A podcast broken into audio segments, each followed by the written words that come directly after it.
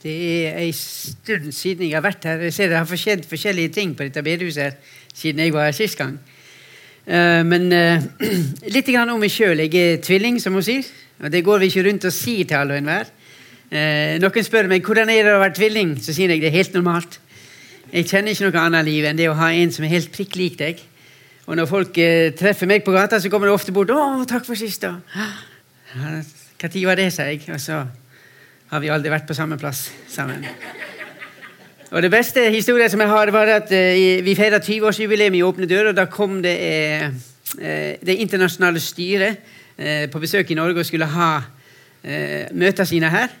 Og Da kom det en nigerianer bort til meg. Når han så meg, så sa han Aah! Så sa afrikanerne, og så kom han springende bort. Og jeg tenkte her må jeg spille med. Så jeg sa Aah!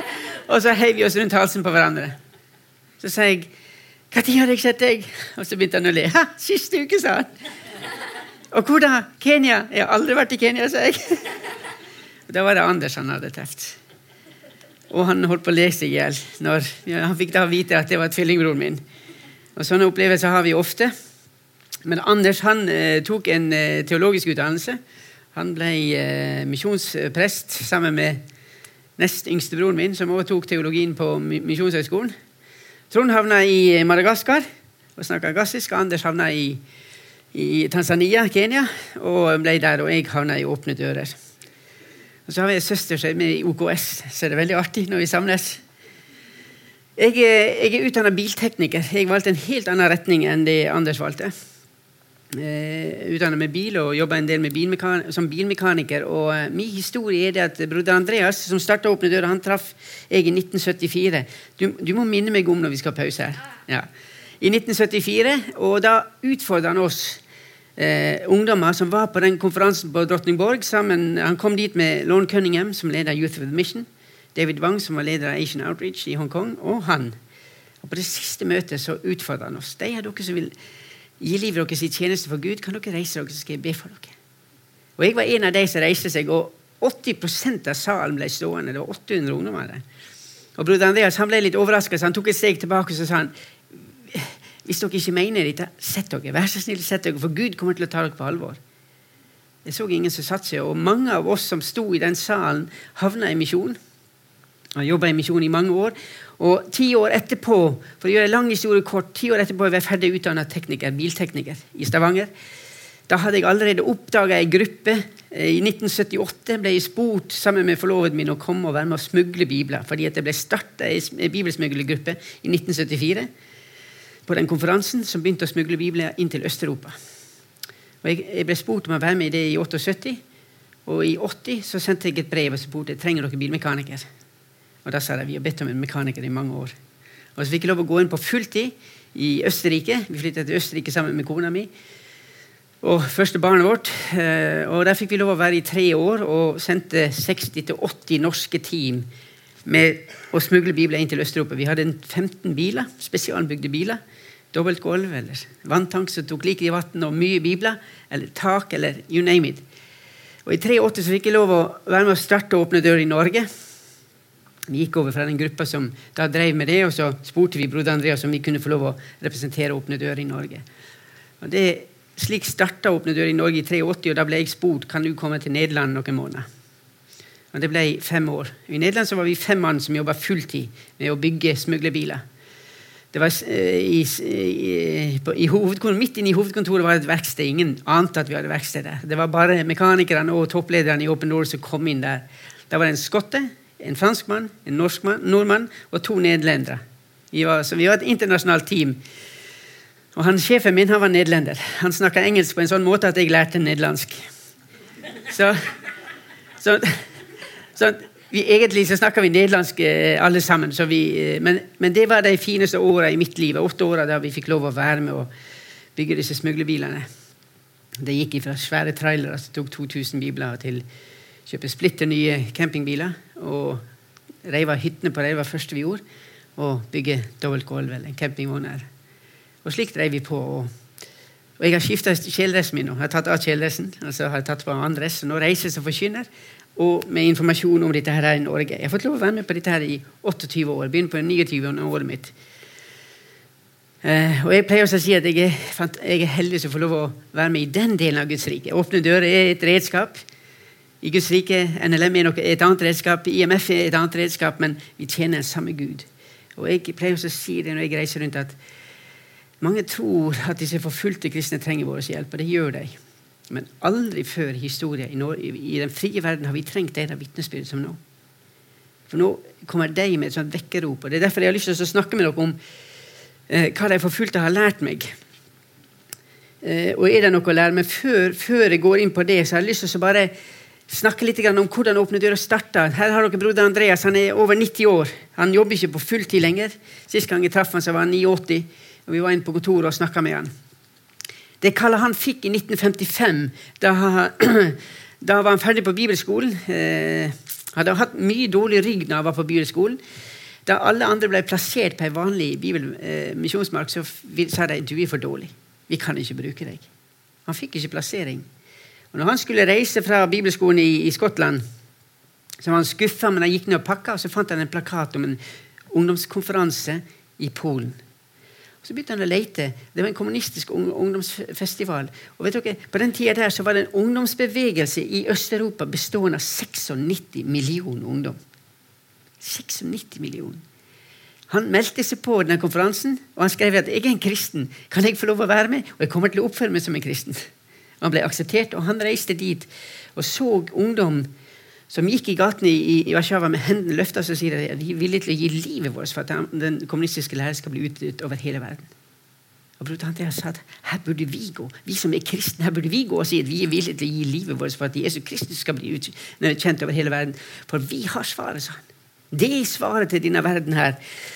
Og Mens han var der nede, så besøkte han kirka og oppdaga at de hadde ikke bibler, de hadde ikke undervisning. Pastorene var ofte fengsla og det var vanskelig. Og Han fikk et kall fra Gud. I åpenbaringsboka 3.2 så står det 'våkne opp og styrk den resten igjen før han dør'. Og eh, Broder Andreas han sa at Gud, hvis du kaller meg til ditt ære, så er jeg villig til å gjøre det. Men du må gå med. Og I samme kapittel så står det et vers i vers 8 så står det 'Se, jeg har satt foran deg en åpna dør'. Det er Gud kaller, og han gir et løfte.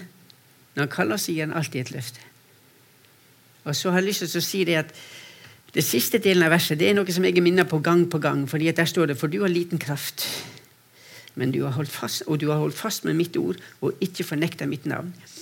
Og dere, Det er grunnen til at han Gud åpner dørene og ser en forsamling eller ser mennesker som sier at vi, vi vil holde fast, vi, vi, vi, klarer ikke dette uten deg. Vi vil holde fast på ditt ord, og vi vil ikke fornekte ditt navn. Da vil vi se at dører åpner for oss. Dører som vi aldri trodde ville åpne seg. Og Jeg skal dele noen vitnesbyrd etter hvert når du skal få høre at Gud han åpner dører hvis han finner en menighet som er villig til å stå på Guds ord. Og Det er utfordringa for oss her i Norge i dag. Hva gjør vi med Guds ord? Hvor villige er vi til å stå? Hvor villige er vi til å betale en pris? Og Det åpner dører sin visjon i utgangspunktet og målsettinga vår er at å styrke og utruste disse kristne som bor på disse plassene, som er forfulgt fordi de tror på Jesus, og oppmuntre dem å være med og oppfylle misjonsbefalinga. Fordi vi håper at de kristne skal forbli i Nord-Korea. Vårt håp er at de kristne skal forbli i Irak.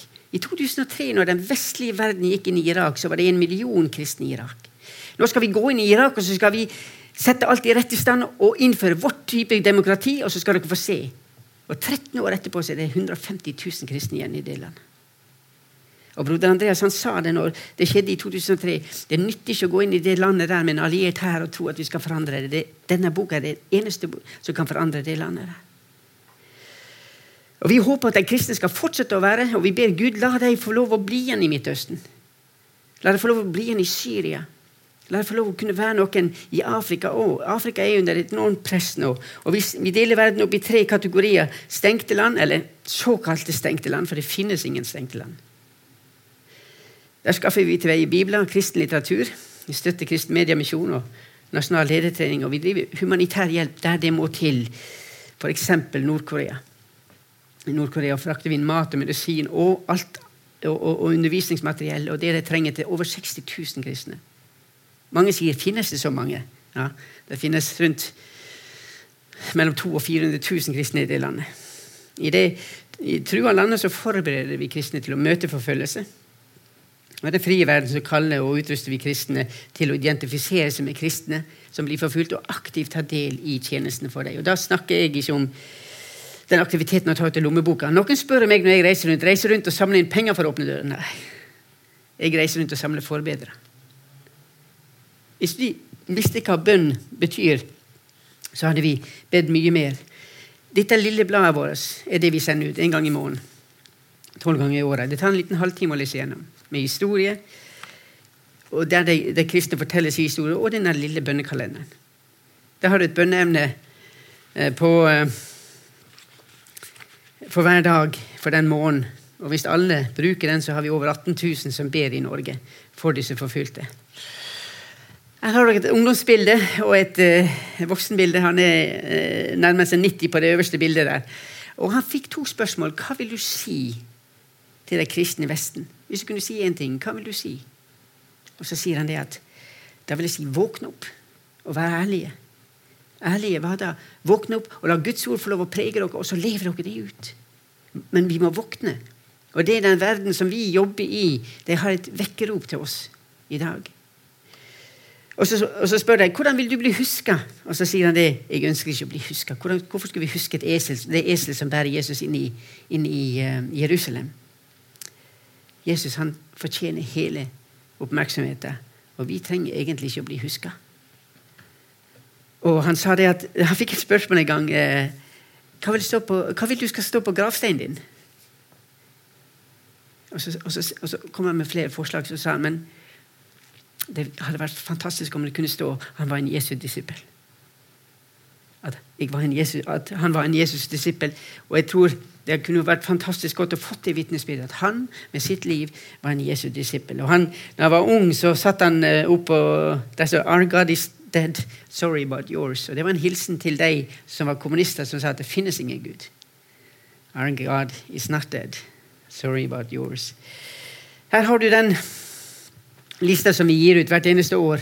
Hvert eneste år gir ut ei World Watch-liste eller forfølgelsesliste med 50 land der forfølgelsen er hardest.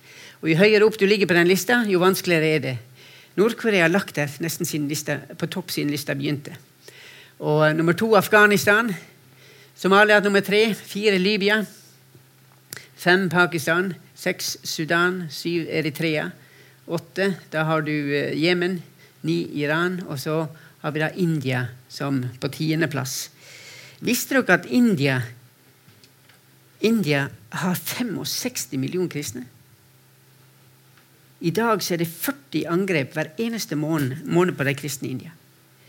Og Når de kristne går og anmelder disse angrepene, og det går fra drap til, eh, til eh, at folk, pastorene blir banka opp, eller folk blir trua på livet og blir kasta ut av huset Og Når de går og anmelder dette, så blir de arrestert for det kristne grunn til bråket. Hadde ikke dere vært der, så hadde det ikke vært bråk. Og egentlig ønsker de å hive de kristne ut av India.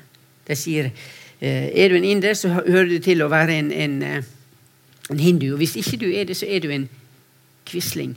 Og Det betyr at muslimene og de kristne er, er forfulgt like hardt i India. Og de kristne sier vil dere be for oss. Nord-Korea Jeg skal ta Nord-Korea, som jeg sa, der er 50, mellom 50 og 70 000 kristne som sitter i fangeleirene. Der er 200 400 000 kristne. Og Målet er å utrydde de kristne, men det vi ser er at det vokser antall. Antall vokser. Og En skulle tro at de kristne de hadde klart å ta livet av de kristne, men de har ikke klart det. Og som jeg sier, Vi pleier å gi ut det bladet vårt. Eh, jeg kan sende rundt en liste her etterpå. Eller mens jeg taler, så slipper dere Er det greit, det? Jeg kan sende rundt mens jeg taler, så slipper dere å stå i kø ute i gangen etter. Og skrive dere på. De som, vi, vi, sender det bladet gratis til dere. Og jeg fikk nettopp en telefon av ei eldre dame som sa til meg, eh, presenterte seg, og så sa hun jeg får bladet deres. Eh, kan du stryke meg? Så sa jeg hvorfor det? Leser du ikke? Jo, jeg leser det, men jeg har ikke råd å sende penger, sa. Så sa jeg, men du bruker bønnekalenderen, ja? ja men Vær så snill, kan ikke du beholde den? Det er ikke pengene vi er ute det er, det er at du ber. Ja, Går det an, da, sa hun. Ja, det går an. Ja, Da skal jeg beholde henne, sa jeg. Hvis jeg kan beholde det, supert. For jeg tror at dette her med bønn Jeg kunne snakke en kveld om dette her med bønn. Eh, men vi, jeg, jeg, har ikke tid til det i dag, så jeg skal gå videre. Eh, det, vi, det vi oppnådde i 2018, og så har jeg lyst til å si til dere når jeg, når jeg viser denne Det er ikke for å skryte av åpne dører. Hvis jeg skal skryte av noe, så vil jeg si at jeg vil skryte at åpne dører er et redskap i den levende Guds hånd. Gud er en fantastisk Gud. Så når jeg viser dette, så sier jeg Gud han har holdt sitt ord. Jeg skal åpne dører for dere. I løpet av 2017, eller 18, når jeg skrev feil her, så var det over 800 000 som fikk hjelp. Nødhjelp. Mer enn 530 000 fikk opplæring. Og mer enn 2,5 millioner bibler ble distribuert inn i disse landene her. Og så, som jeg sa Vi tror at disse forfulgte kristne de trenger vår hjelp. og De trenger vår forbønn, og de trenger at vi kommer inn og er sammen med dem og har fellesskap med dem. Men aldri før har vi, har vi trengt deres vitnesbyrd. Og vi må ikke gjøre den feilen at vi tror at de trenger vår hjelp, og det skal komme fra oss, fordi det har så mye å lære oss. Og hva er det vi kan lære av disse her? Når vi møter disse kristne det kan være forbilder for oss. Det kan advare oss, og det kan inspirere oss. Forbilde. Jeg var nettopp på en tur inn til Kina. Jeg vil ikke si hva, hva, del av Kina. Men denne mannen her, han jobber med tibetanere. Han er en av de som kjenner buddhismen best. For han har vært en munk sjøl. En, ja, en av de mest kjente munkene i det landet. Og Så sier han det at han har funnet Jesus, og nå driver han og forkynner til de andre. Og han deler hvordan han gjør det. Og Han gjør det med et smil, og så sier jeg til, til, til, til Pål etterpå Men Pål, koster det deg noe? Så begynner han å fortelle, fortsatt med et smil. Og så sier han ja, jeg er vel den ene av de som får mest juling. sa han. Og så sier han den første gangen de begynte å slå meg, sa han, jeg ble så sint. Og jeg sa til Gud Gud, skal jeg, for, skal jeg, skal jeg akseptere at jeg banker meg for de på grunn av deg? Skal jeg akseptåle det? Og Han sa det til meg, og jeg har aldri glemt hva Gud sa til meg. Eller hva Jesus sa til ham. Sa, Jesus sa til meg sa han, de har et godt hjerte, men de kjenner ikke meg. Og jeg har aldri glemt det, sa han. Og så sa han, og etter det så har jeg tålt alle julinger. Mens vi var sammen med han, så kommer de det er sånne bønneturer som vi har, og så kommer det ei bort til meg litt sånn sjenert og så sier Ole, Gud minner meg at jeg skal be for føttene hans. Kan jeg gjøre det? Så sier jeg ja, hvis Gud minner deg om det, så gjør det. Så spurte jeg er det greit at vi ber for føttene dine. Og så sier Pål ja. Og så bøyer hun seg ned, og så begynner hun å gråte. Og så gråter hun en stund, og så, og så samler hun seg, og så begynner hun å be. Og han lyser opp Pål, og vi forstår ikke hva som skjer, men dagen etterpå så kommer disse kinesiske eh, medarbeiderne mine og sier er dere klar over hva dere gjorde i går. Nei. Vi ba for føttene til Pål. Ja, men er dere klar over hva dere gjorde? I den kulturen så er den største æresbevisningen du kan gi, dem, å bøye deg ned og velsigne føttene deres. Og så fikk vi lov å si at Gud ønsker å ære Pål for det han gjør, for det han tåler. Og Gud ønsker å, å, å ære han og bøye seg ned. Og at vi fikk lov å være de som bøyer oss ned og velsigne oss. Må Gud velsigne deg. Og du være med deg. Og han sier til oss når vi reiser Husk på meg at jeg tør å bli stående oppi dette. her. Og vi, vi må, må kunne fortsette. Så det er et forbilde for oss. Det kan advare oss med det livet de lever, sammenlignet med vårt liv. Og det kan inspirere oss. Og Når de er forbilde for oss, så er det noen spørsmål som vi stiller òg. Er forfulgte som forbilde for oss. og Da blir spørsmålet vandrer du og jeg korsets vei.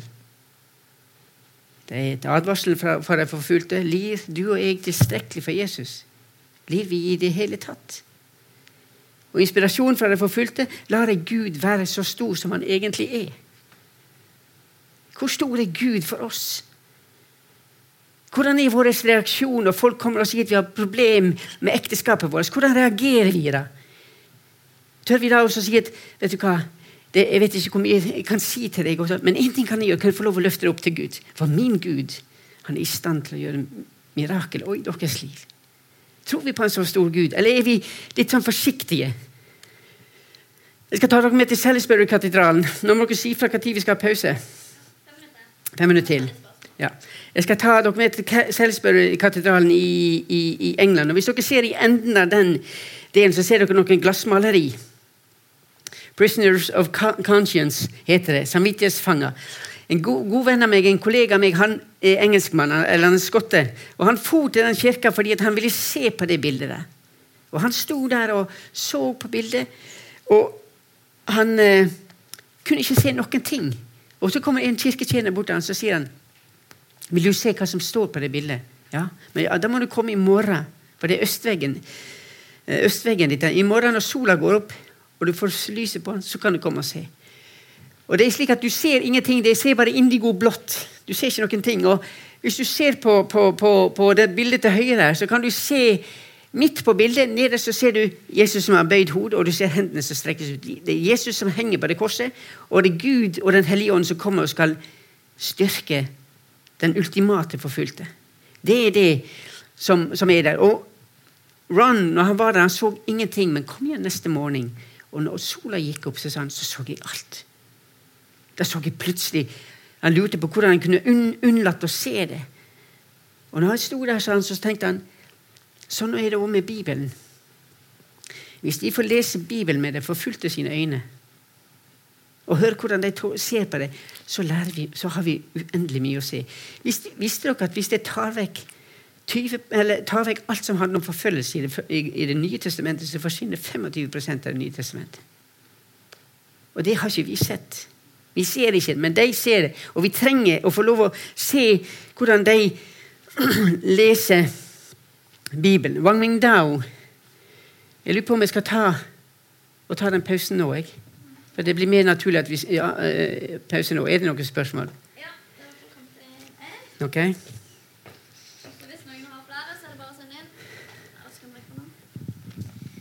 Spørsmålet er hvis du skal på ferie til et land der eh, kristne blir forfulgt, hva kan du bidra med? Bare sånn helt konkret. Ja, vi kan hjelpe dere. Vi, vi, vi sender folk inn til flere av disse landene. Vi, det mange av disse landene kan dere ikke ta med noe litteratur. Men hvis dere tar kontakt med oss, så kan vi lære dere opp hvordan dere kan be i det landet. Eh, vi kan fortelle dere om situasjonen i landet.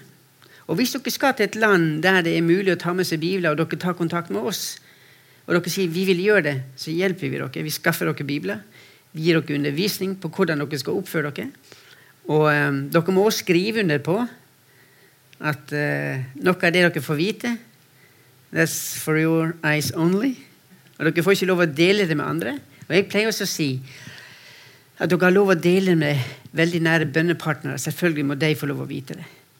Uh, så det er mange av disse landene, mange reiser på ferie, og jeg pleier også å si at uh, det er flott å reise på ferie, men vi kan ta dere med til land som er like varme, og som har varme kristne. og Dere kan få lov å få en opplevelse som gjør at dere kommer tilbake som forandra kristne. Jeg har folk med meg til Egypt, har, der vi har vært på ferie.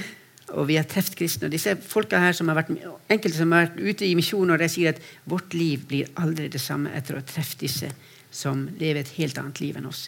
Vi har så mye å lære av dem. Så det går an.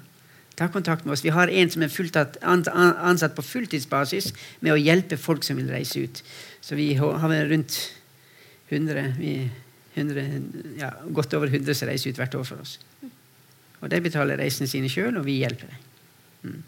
Det hørtes jo mye mer spennende ut enn en vanlig tur til Granca. Mm. Så det var jo en eh, god anbefaling. Mm.